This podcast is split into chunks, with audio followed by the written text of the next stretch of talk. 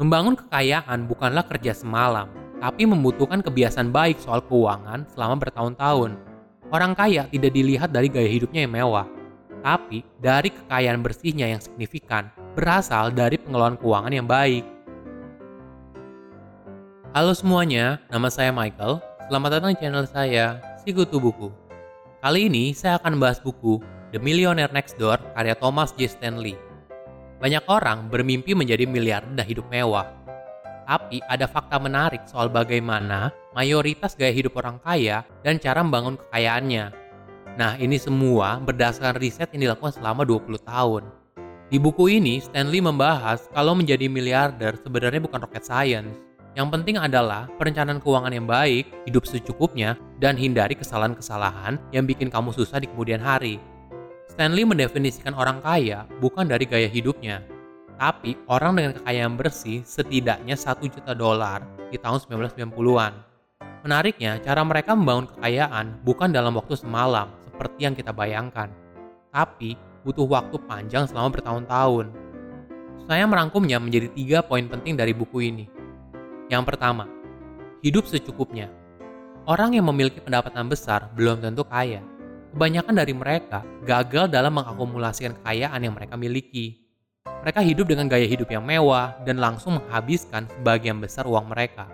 Padahal dalam mengakumulasikan kekayaan ada dua strategi, memperbesar pendapatan dan mengurangi pengeluaran. Menariknya, buku ini menekankan keseimbangan dari dua strategi itu. Setiap fase ekonomi setiap orang memiliki pendekatan strategi yang berbeda. Bagi orang yang berpendapatan tinggi, mereka harus bisa mengatur pengeluaran dengan baik. Bagi orang yang berpendapatan rendah, mereka harus mencari cara untuk mencari sumber pendapatan yang baru. Bagi orang kaya, kebebasan finansial lebih penting daripada status sebagai orang kaya. Ini adalah prinsip yang dianut oleh orang yang beneran kaya. Kebanyakan miliarder fokus merencanakan keuangan dengan bijak daripada membeli supercar dan rumah mewah.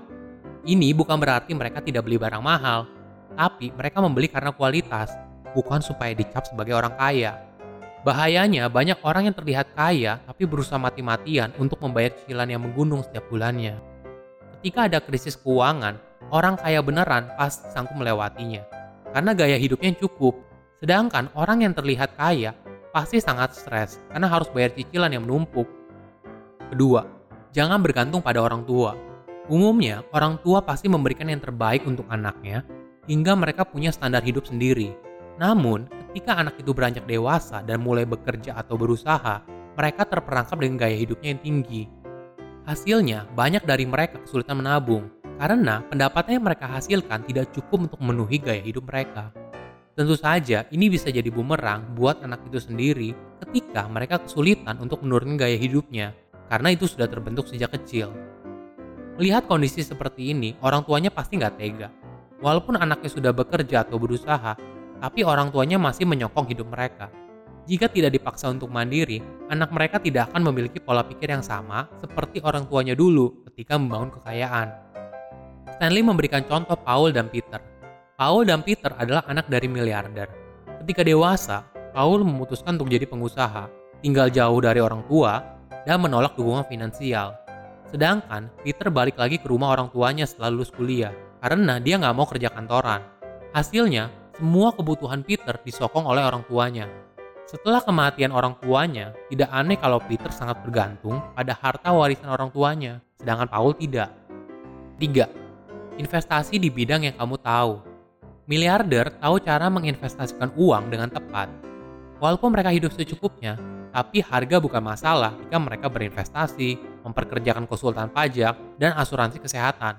Stanley memberikan contoh dari Mr. South, dia tidak membeli mobil mewah karena dia tidak tinggal di lingkungan super kaya. Membeli mobil mewah hanya akan menarik perhatian orang sekitarnya dan itu bukan hal yang baik. Melainkan dia rela membayar mahal untuk perawatan gigi cucunya karena itu adalah hal yang penting. Bukan cuma soal kehidupan personal, miliarder juga investasi di bisnis yang mereka tahu. Setiap orang pasti punya minimal satu area yang sangat dikuasai.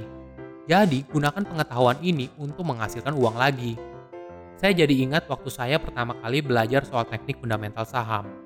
Ketika saya ikut pelatihannya, saya selalu ditekankan untuk pahami industrinya. Pahami cara bagaimana industri tersebut menghasilkan uang, apa saja pengeluaran terbesarnya, apa saja resiko bisnisnya, Intinya adalah, sebelum berinvestasi dengan uang, kita harus investasikan dulu ke diri kita untuk menambah pengetahuan. Membangun kekayaan bukanlah kerja semalam, tapi membutuhkan kebiasaan baik soal keuangan selama bertahun-tahun. Orang kaya tidak dilihat dari gaya hidupnya yang mewah, tapi dari kekayaan bersihnya yang signifikan, berasal dari pengelolaan keuangan yang baik. Silahkan komen di kolom komentar pelajaran apa yang kalian dapat ketika baca buku ini. Selain itu, komen juga mau buku apa lagi yang saya review di video berikutnya. Saya undur diri, jangan lupa subscribe channel YouTube Sikutu Buku untuk versi animasinya. Bye bye.